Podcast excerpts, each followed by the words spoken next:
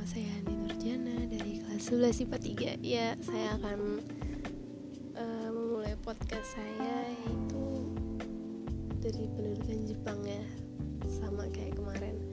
Hmm, Di sini nggak ya katanya Kalau misalnya kita nggak jelasin apa sih latar belakangnya Jepang masuk ke uh, itu gimana Masuk ke Nusantara itu bagaimana?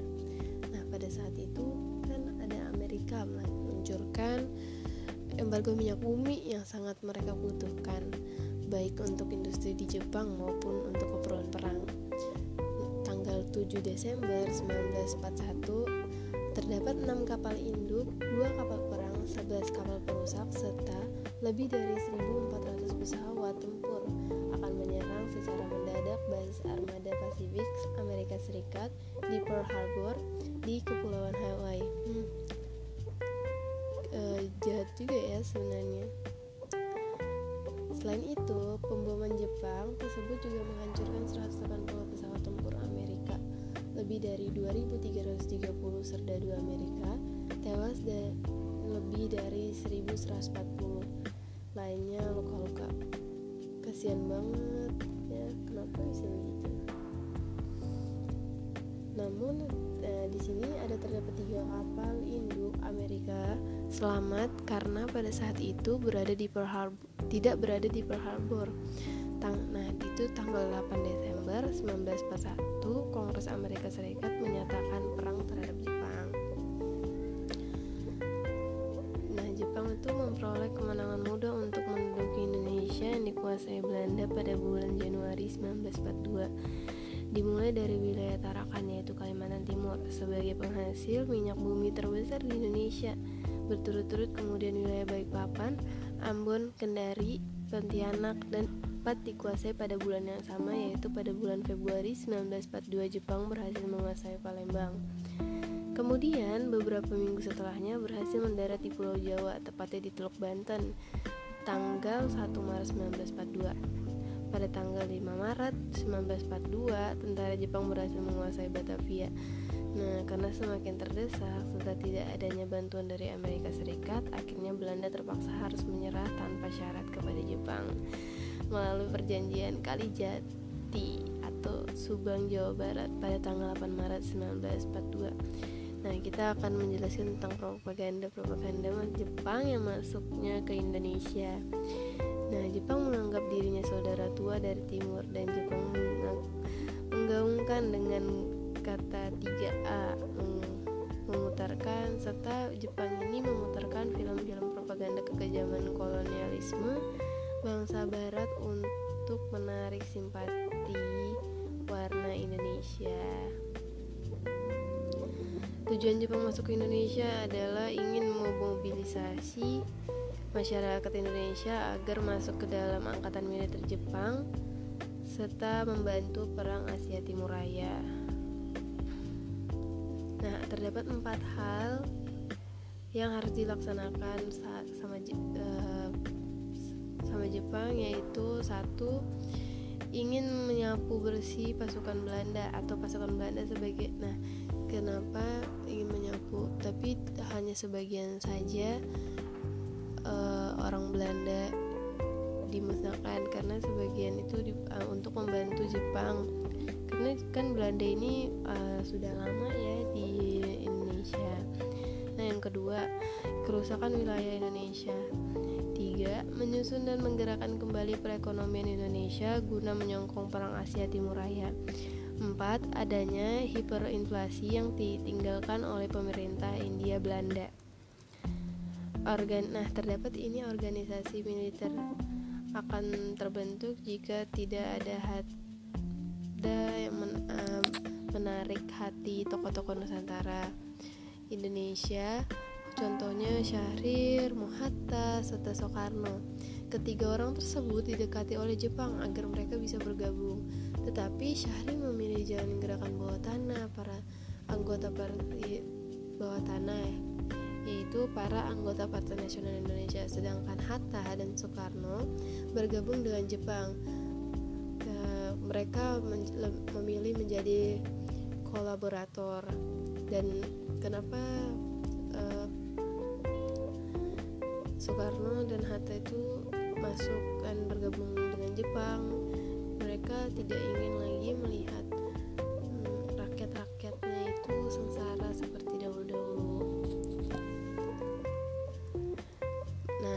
pembahasan tentang respon-responnya nih masyarakat Indonesia pada Jepang. Nah, responnya masyarakat Indonesia pada uh, pada Jepang ya kaget ya kaget karena mereka melakukan romusha yang tentu saja uang yang katanya dijanjikan upah tetapi mereka tidak memberikan upahnya sedikit pun. Terdapat di sini uh, ada terdapat organisasi semi militer dan militer. Organisasi semi militer membentuk itu Senin dan Kibudan dan uh, uh, maaf ya saya lagi pilek nih karena cuacanya pancaroba sekali. Nah satu Senin atau Barisan Pemuda berdirinya pada tanggal 29 April 1942 fungsinya dan adalah mendidik para pemuda Indonesia untuk menjaga dan mempertahankan tanah air dan dalam perang petugas sebagai barisan cadangan dan mengamankan garis belakang Persyaratannya adalah pemuda usia 14 sampai 20 tahun dan sifatnya bukan wajib militer ya guys. 2. Kebudan yaitu pembantu polisi berdiri pada tanggal 29 April 1942. Keibudan bertugas sebagai pembantu tugas polisi Jepang yang menjaga lalu lintas dan pengaman desa. Keibudan langsung berada di bawah Departemen Kepolisian Jepang atau Kaimpatai dan sifatnya wajib militer.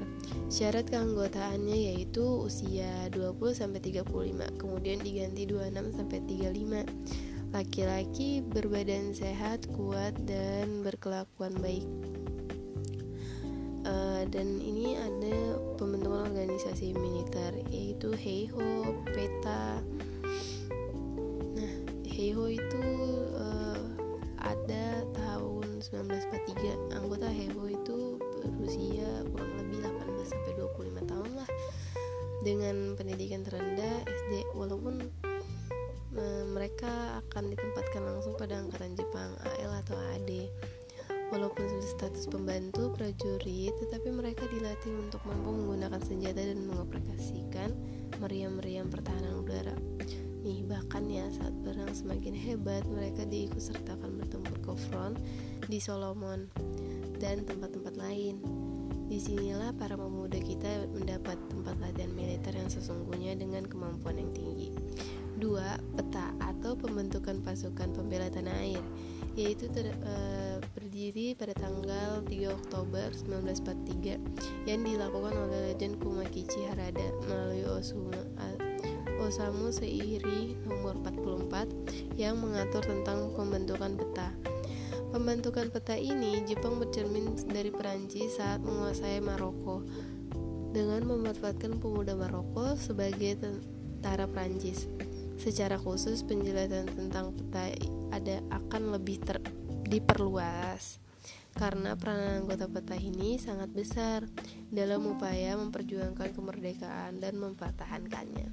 Di sinilah inti dari kekuatan militer Republik Indonesia nantinya sering diistilahkan dengan embrio dari TNI.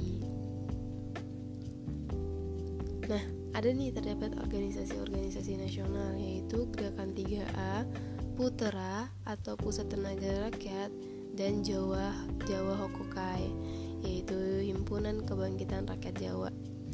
Nah, ke Gerakan 3A. Gerakan 3A ini dibentuk atau didirikan pada bulan Mei 1942 dan bubar pada tahun yang sama. Hmm, kenapa ya? Kenapa e, mereka dibubarkan pada tahun yang sama? Saat itu juga merupakan nah e, gerakan 3A ini merupakan perhimpunan bentuk Jepang yang bersemboyan Nippon Cahaya Asia, pelindung Asia dan pemimpin Asia yang bergerak meliputi segala bidang di seluruh Asia. Ketuanya yaitu Mr. Samsudin gagal dan dibubarkan karena gerakan ini tidak efektif dalam menggerakkan Indonesia. Pimpinan kurang dikenal masyarakat Indonesia. Putera atau Pusat Tenaga Rakyat Dibentuknya atau didirikannya pada tanggal 1 Maret 1943. Ketuanya adalah Insinyur Soekarno dan anggotanya adalah Dr. Handes Muhammad Hatta, Ki Hajar Dewantara, dan Mas Mansur. Dikenal dengan sebutan Empat Serangkai.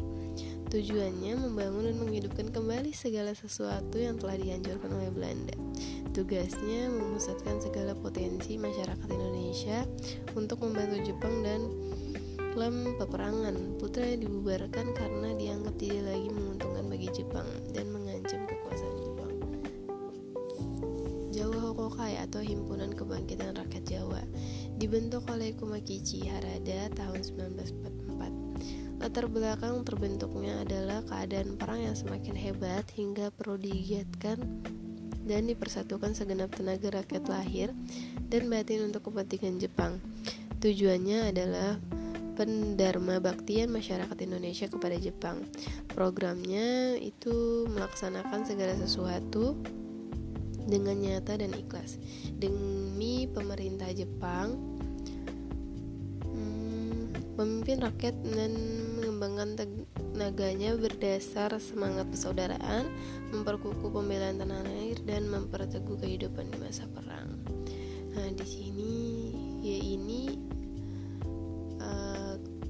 pendudukan Jepang masuknya pendudukan Jepang ke Indonesia sampai tentang organisasi-organisasinya latar belakangnya semua saya sudah sebutkan nah jika kalian kurang jelas atau kurang mengerti kalian bisa membuka di podcast Poseidon di sana. Uh, terdapat penjelasan-penjelasan yang jelas. Dan saya sekali lagi mohon maaf atas perkataan saya yang kurang berkenan atau kurang dipahami uh, uh, saya terdapat lima pertanyaan-pertanyaan itu. Nah kenapa sih gerakan gerakan 3A ini tidak bertahan lama. Karena apa gitu? Itu yang pertama. Yang kedua apa saja sih cara-cara Jepang di Indonesia mengeksploitasi tenaga kerja? Tiga tujuan pemerintah Jepang membentuk Potra adalah empat mengapa Jepang sangat membutuhkan embargo minyak bumi di Amerika Desember 1941 Kongres Amerika Serikat menyatakan perang terhadap Jepang. Sekian dari saya. Kurang lebihnya mohon maaf. Assalamualaikum warahmatullahi wabarakatuh